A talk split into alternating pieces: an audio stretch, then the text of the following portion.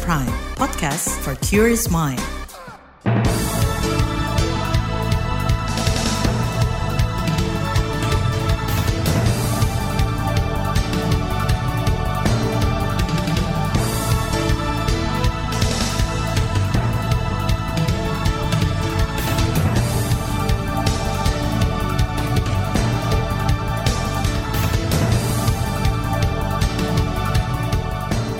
Selamat pagi saudara, senang sekali kami bisa menjumpai Anda melalui program Buletin Pagi edisi Senin 26 Juni 2023. Saya Naomi Liandra. Sejumlah informasi pilihan telah kami siapkan di antaranya penghentian bebas visa kunjungan menuai pro kontra. Kapolri ajak masyarakat menghindari konflik pemilu. Dugaan pidana kasus Ponpes Al Zaitun Indramayu. Inilah Buletin Pagi selengkapnya. Terbaru di Buletin Pagi. Saudara penghentian sementara kebijakan bebas visa kunjungan untuk 159 negara menuai kritik dari Asosiasi Perusahaan Perjalanan Wisata Indonesia ASITA. Kalangan pengusaha pariwisata meminta pemerintah mengkaji ulang keputusan tersebut sebab menurut Ketua Umum Asita Nunung Rusmiati, penghentian itu berpotensi merugikan negara. Itu jangan di jadi akhirnya langsung ditutup 159 negara, terutama kepada negara-negara yang sudah kontribusinya di pariwisata Indonesia. Kan kita bisa lihat gitu loh. So kita mau bagaimana? Mau nginiin gaung-gaungin pariwisata pariwisata pariwisata. Tolonglah peraturan itu uh, dikaji kembali dalam arti positif. Ketua Umum Asita Nunung Rusmiati mendorong pemerintah memperbaiki tata kelola pengembangan dan pembangunan pariwisata Indonesia.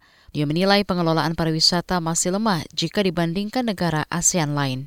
Sebelumnya Menteri Hukum dan HAM Yasona Lauli menghentikan sementara kebijakan bebas visa kunjungan untuk 159 negara mulai 7 Juni 2023. Penghentian dilakukan atas beberapa pertimbangan, kini hanya ada 10 negara ASEAN yang memiliki akses bebas visa. Bebas visa kunjungan diberikan kepada warga asing untuk melakukan berbagai kegiatan seperti kunjungan wisata, tugas pemerintahan, kunjungan bisnis, rapat, hingga transit. Visa bebas berlaku untuk tinggal di Indonesia selama maksimal 30 hari dan tidak dapat diperpanjang. Kebijakan ini diatur dalam peraturan Presiden tentang bebas visa kunjungan. Presiden Joko Widodo mengaku tengah mengevaluasi kebijakan bebas visa. Ya itu kan pasti ada evaluasi. Dulu kita buka total. Evaluasinya memberikan manfaat pada negara enggak? Enggak, masih oh ini enggak. Negara ini perlu dibuka atau perlu ditutup. Saya kira biasa dalam semua negara seperti itu, pasti dievaluasi. Ada evaluasi dan manfaat dan tidaknya. Itu tadi Presiden Jokowi.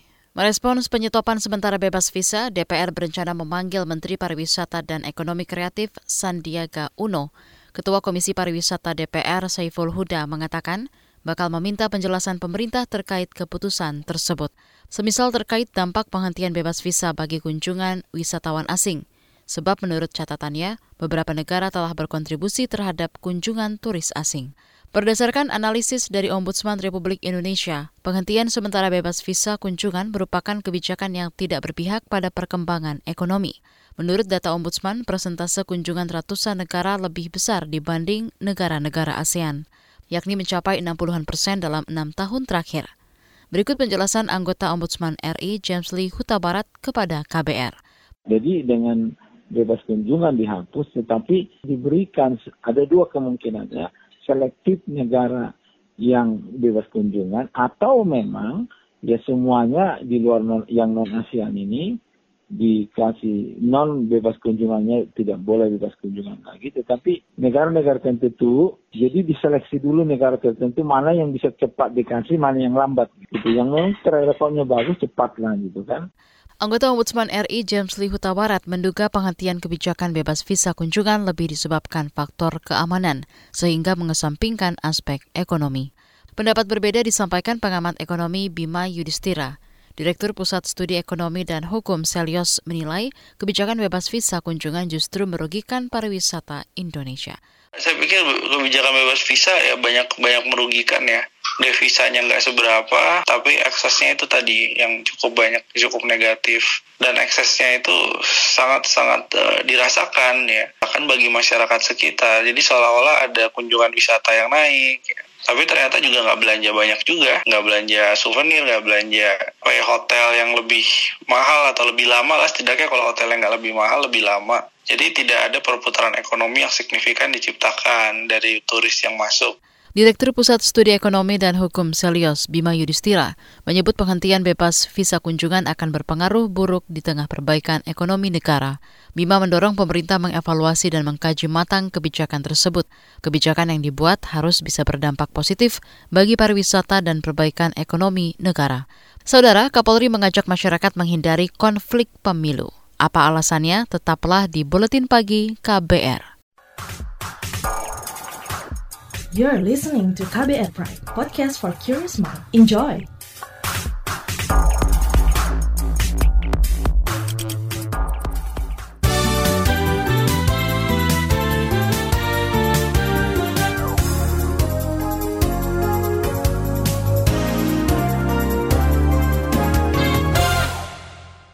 Presiden Joko Widodo meminta rakyat Indonesia bersatu dan tidak terpecah belah. Kepala negara ingin Indonesia menjadi bangsa yang besar dan kokoh, sehingga bisa hidup damai dan dihormati bangsa lain. Hal itu disampaikan Jokowi saat berpidato dalam puncak peringatan bulan Bung Karno di kawasan GBK Jakarta akhir pekan kemarin. Bung Karno pernah mengatakan, kita tidak boleh terpecah-pecah, jangan gontok-gontokan, jangan gebuk-gebukan, jangan fitnah-fitnahan, top semuanya itu. Dan yang harus kita lakukan adalah kita harus bersatu padu, kita harus terus bergotong royong. Bagaimana pesan Bung Karno? Kita harus berjiwa cakrawati samudra, berani mengarungi gelombang, kokoh menghadapi hempasan ombak. Presiden Jokowi menyebut Bung Karno, presiden pertama Indonesia, sebagai peletak fondasi demokrasi. Jokowi menekankan saat ini pemerintah tengah meneruskan dan mengembangkan gagasan-gagasan Bung Karno. Kabar Pemilu Kabar Pemilu Kapolri Listio Sigit Prabowo mengajak masyarakat menghindari konflik saat pemilu 2024. Dia menyebut konflik di pemilu rawan terjadi karena perbedaan pilihan. Dia menghimbau seluruh pihak dapat mengelola emosi di tahun politik kerusuhan yang terjadi dan kemudian kita justru mundur dan mungkin bisa terancam untuk tidak bisa menjaga apa yang sudah kita raih. Oleh karena itu kita dorong semua, seluruh masyarakat, seluruh elemen bangsa untuk menjaga persatuan dan kesatuan. Perbedaan boleh ada, namun persatuan dan kesatuan tetap harus diutamakan. Mari kita kawal, kita jaga pemilu yang ada, kita tunjukkan kepada dunia bahwa demokrasi Indonesia adalah demokrasi yang mapan, yang modern, yang aman. Kapolri Listio Sigit Prabowo juga mengajak masyarakat menjaga pemilu 2024 agar berlangsung damai dan terhindar dari konflik-konflik yang merugikan. Dia menyebut Indonesia bisa memanfaatkan bonus demografi di 2045 jika bisa menjaga perdamaian saat pemilu. Masih soal politik, saudara. Ketua Umum Partai Gerindra Prabowo Subianto mengajak para kadernya menjaga perdamaian dan hidup rukun. Prabowo mengatakan banyak negara-negara lain kini dilanda krisis hingga perang. Menurut Menteri Pertahanan itu, kediaman di Indonesia tercipta karena para elit bisa hidup rukun. Ini disampaikan saat konsolidasi bersama para kadernya kemarin. Kita patut bersyukur bahwa kita sekarang negara kita seperti ini, saudara-saudara sekalian. Ini adalah karena kita mampu menjaga kerukunan. Ini adalah karena kita bahwa pemimpin-pemimpin kita bisa rukun, bisa kerjasama. Saudara-saudara sekalian, kita sudah buktikan bahwa kita memiliki kemampuan dan kehendak untuk menjaga kerukunan. Ketua Umum Partai Gerindra Prabowo Subianto menyebut capaian kinerja pemerintahan saat ini merupakan buah kerja keras semua pihak. Kita ke informasi hukum. Menteri Koordinator Bidang Politik Hukum dan Keamanan Menko Polhukam Mahfud MD mengklaim penanganan tindak pidana perdagangan orang TPPO berjalan sangat produktif. Mahfud menyebut penanganan TPPO dulu sempat terhambat lantaran banyak sindikat dan backingan. Sekarang sudah sudah lebih dari 450 sudah jadi tersangka. Eh, kemudian lebih dari 1.500 orang dalam tiga minggu ini diselamatkan dari tindakan perdagangan orang itu. Menko Polhukam Mahfud MD menambahkan penanganan TPPO akan ditingkatkan. Mahfud ingin sindikat-sindikat di tingkat institusi baik swasta maupun pemerintahan bisa dijerat. Masih dari hukum, Saudara, Komisi Pemberantasan Korupsi KPK telah membebas tugaskan terduga pelaku pungutan liar pungli di rutan KPK. Juri bicara KPK Ali Fikri mengatakan para terduga pelaku telah diperiksa oleh Inspektorat KPK Ali memastikan KPK juga akan menindak tegas semua pihak yang terlibat. Menyerahkan dan melimpahkan dugaan peristiwa itu pada bagian penyelidikan dalam hal ini Kedeputian Penindakan KPK. Kemudian yang kedua melakukan pemeriksaan etik oleh Dewan Pengawas KPK. Ali Fikri mengatakan KPK akan mengevaluasi menyeluruh terhadap tata kelola rutan pasca mencuatnya kasus ini. Sebelumnya, Dewan Pengawas KPK meminta temuan pungli di rutan KPK pada 2021-2022 diusut. Pungli diduga dilakukan terhadap para tahanan di rutan KPK. Pungli berupa setoran tunai diduga mencapai 4 miliar rupiah. Kita ke informasi ekonomi. Wakil Menteri Perdagangan Jerry Sambuaga mengklaim stok kebutuhan pokok aman menjelang Idul Adha. Itu dia sampaikan usai mengunjungi pasar Johar di Karawang, Jawa Barat kemarin. Dikutip dari Antara, dia juga mengklaim harga bahan pokok relatif stabil, mulai dari harga telur hingga minyak goreng merek minyak kita. Meski begitu, dia mengakui ada sedikit fluktuasi harga di beberapa komoditas menjelang Idul Adha. Kita ke berita mancanegara. Kementerian Luar Negeri memastikan kondisi warga negara Indonesia WNI di Rusia aman di tengah pemberontakan kelompok tentara bayaran Wagner. Direktur Perlindungan WNI Kemenlu Yuda Nugraha mengatakan telah mengeluarkan imbauan kepada seluruh WNI untuk tetap tenang dan berhati-hati. Saat ini ada lebih 20 WNI di daerah konflik di Vorozen dan Rostov. Para WNI dihimbau selalu membawa dokumen identitas ketika beraktivitas di luar rumah sebab ada peningkatan penjagaan keamanan di tempat-tempat umum. Sebelumnya, Presiden Rusia Vladimir Putin menuduh pimpinan kelompok Wagner berkhianat. Pimpinan Wagner bahkan mengancam bakal mengarahkan pasukan ke Moskow. Malaysia akan memblokir semua layanan pesan singkat yang berisi tautan URL mulai 2 Juli 2023. Dikutip dari antara, upaya itu dilakukan untuk mencegah penipuan secara daring. Kementerian Komunikasi dan Digital Malaysia juga menyatakan bakal menjadikan keamanan siber sebagai fokus utama. Pemerintah Malaysia juga telah mengambil tindakan hukum terhadap Meta, induk perusahaan Facebook, lantaran menolak menghapus konten yang dianggap berbahaya. Beralih ke berita olahraga, Tunggal putra Chico Aura Dwi Wardoyo menjadi juara di turnamen badminton Taipei Terbuka 2023. Chico menjadi pemenang di kejuaraan Super 300 setelah mengalahkan wakil tuan rumah Su Liyang dalam permainan dua gym. Di partai lain, ganda putri Indonesia Febriana Kusuma Amalia Pratiwi menjadi runner-up usai kalah dari pasangan Korea. Kita ke sepak bola. Bima Sakti akan menjadi pelatih timnas Indonesia di ajang Piala Dunia U17. Kompetisi itu akan berlangsung di Indonesia pada 10 November hingga 2 Desember 2023. Ketua Umum PSSI Erick Thohir mengatakan proses seleksi pemain akan berlangsung Juli dan Agustus. Setelah itu, skuad Merah Putih akan menjalani pemusatan latihan di luar negeri. Sebelumnya, FIFA menunjuk Indonesia sebagai tuan rumah Piala Dunia U17. Indonesia akan menggantikan Peru yang awalnya didapuk menjadi tuan rumah. Di bagian berikutnya kami hadirkan laporan khas KBR tentang memperkuat regulasi kasus kekerasan seksual. Tetaplah di Buletin Pagi KBR. You're listening to KBR Pride, podcast for curious mind. Enjoy!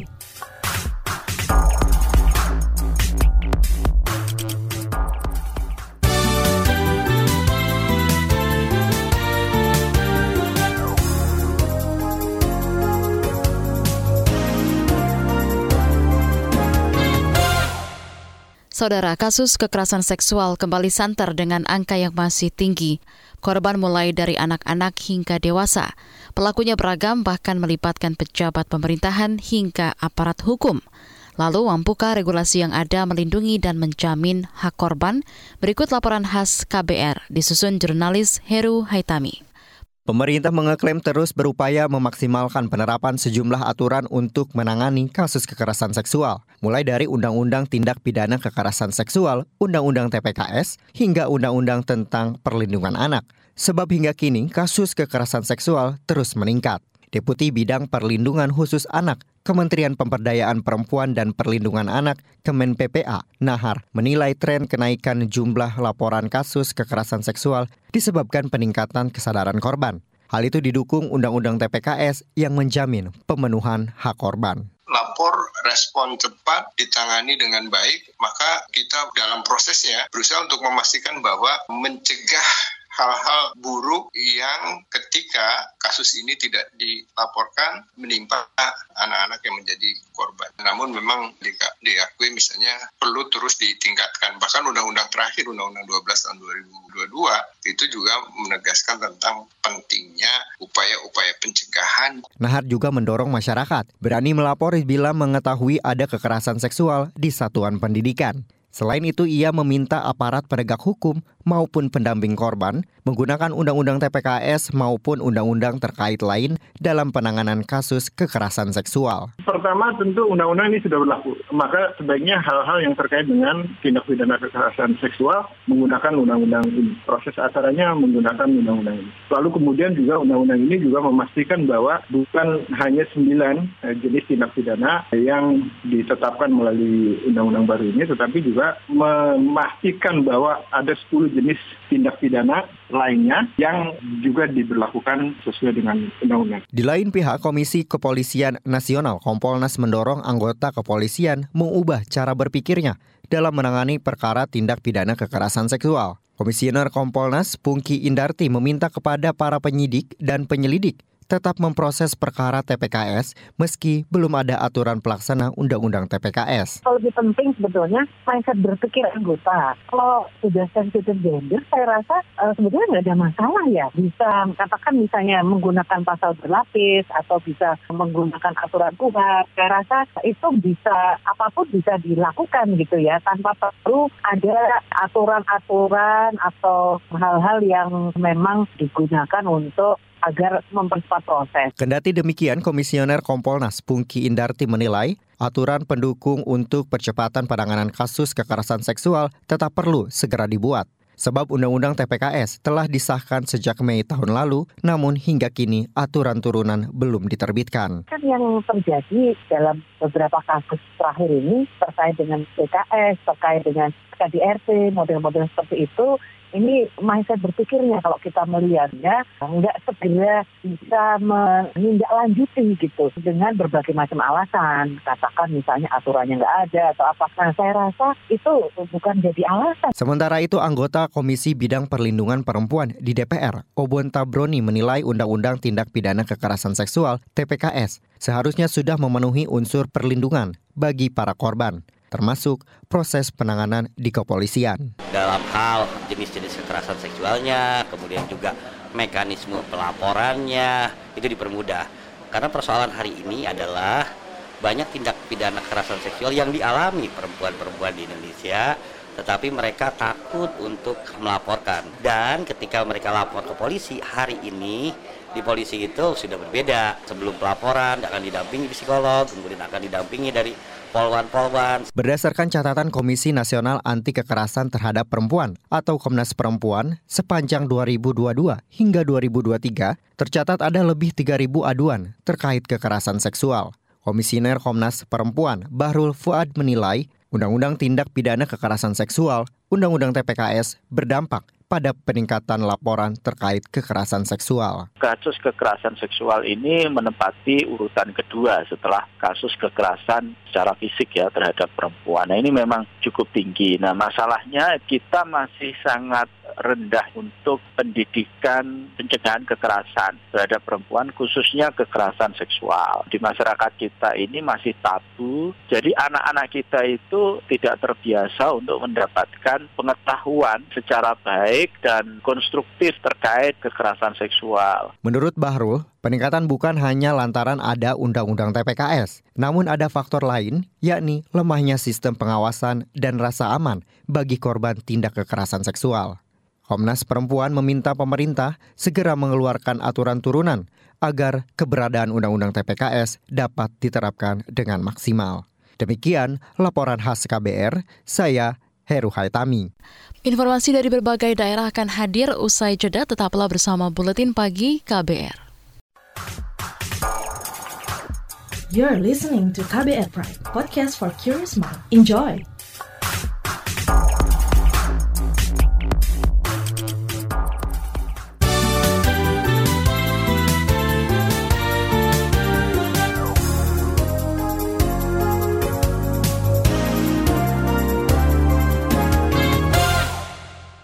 Inilah bagian akhir buletin pagi KBR. Saudara Menteri Koordinator Bidang Politik Hukum dan Keamanan Menko Polhukam Mahfud MD menyebut ada dugaan tindak pidana dalam kasus polemik Pondok Pesantren Al Zaitun Jawa Barat.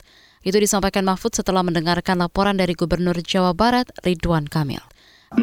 Pasal-pasal apa yang nanti akan menjadi dasar untuk melanjutkan proses pidana nanti akan diumumkan pada waktunya tapi Polri akan mengambil tindakan karena dari semua pintu yang masuk laporan pelanggaran pidananya dugaannya sudah sangat jelas dan unsur-unsurnya sudah diidentifikasi tinggal diklarifikasi nanti di dalam pemanggilan atau pemeriksaan. Menko Polhukam Mahfud MD mengatakan selain dugaan tindak pidana, ada masalah lain yang berkaitan dengan administrasi serta ketertiban sosial dan keamanan. Sebelumnya pernyataan pengasuh Pondok Pesantren Al Zaitun, Panji Gumilang, menuai polemik. Di antaranya menyatakan perempuan bisa menjadi hatib sholat Jumat dan memperbolehkan jemaah tidak merapatkan saf salat. Kita ke daerah lain. Polda Sumatera Utara menggagalkan penyelundupan puluhan pekerja migran Indonesia PMI ilegal. Juri bicara Polda Sumatera Utara Hadi Wahyudi mengatakan penyelundupan terbongkar terkait laporan nelayan yang mencurigai aktivitas sebuah perahu. Ada 36 PMI yang diduga ilegal yang hendak diberangkatkan ke Malaysia. Selain itu juga mengamankan tiga orang ABK. Juri bicara Polda Sumatera Utara Hadi Wahyudi mengatakan polisi akan melakukan patroli di perbatasan Malaysia-Indonesia. Patroli dilakukan dengan menyusuri Sungai Ular, Nunukan, Sumatera Utara. Sejak 6 Juni 2023, Polda Sumut telah mengungkap 14 kasus tindak pidana perdagangan orang TPPO. Dari kasus itu, 27 orang ditetapkan sebagai tersangka, sedangkan 8 orang masih buron. Kita ke Papua. Proses evakuasi korban jatuhnya pesawat Sam Air akan dilakukan hari ini. Pesawat nahas itu jatuh di hutan Yalimo, Papua Pegunungan Jumat pekan lalu. Kemarin, tim SAR telah turun dari puncak gunung mencari korban jatuhnya pesawat. Namun hingga sore kemarin titik jatuhnya pesawat belum ditemukan. Proses evakuasi juga sempat terhambat cuaca buruk. Informasi tadi menutup jumpa kita di Buletin Pagi hari ini. Pantau informasi terbaru melalui kabar baru situs kbr.id, Twitter di akun @beritaKBR, podcast di alamat kbrprime.id. Saya Naomi Liandra bersama tim yang bertugas undur diri. Salam.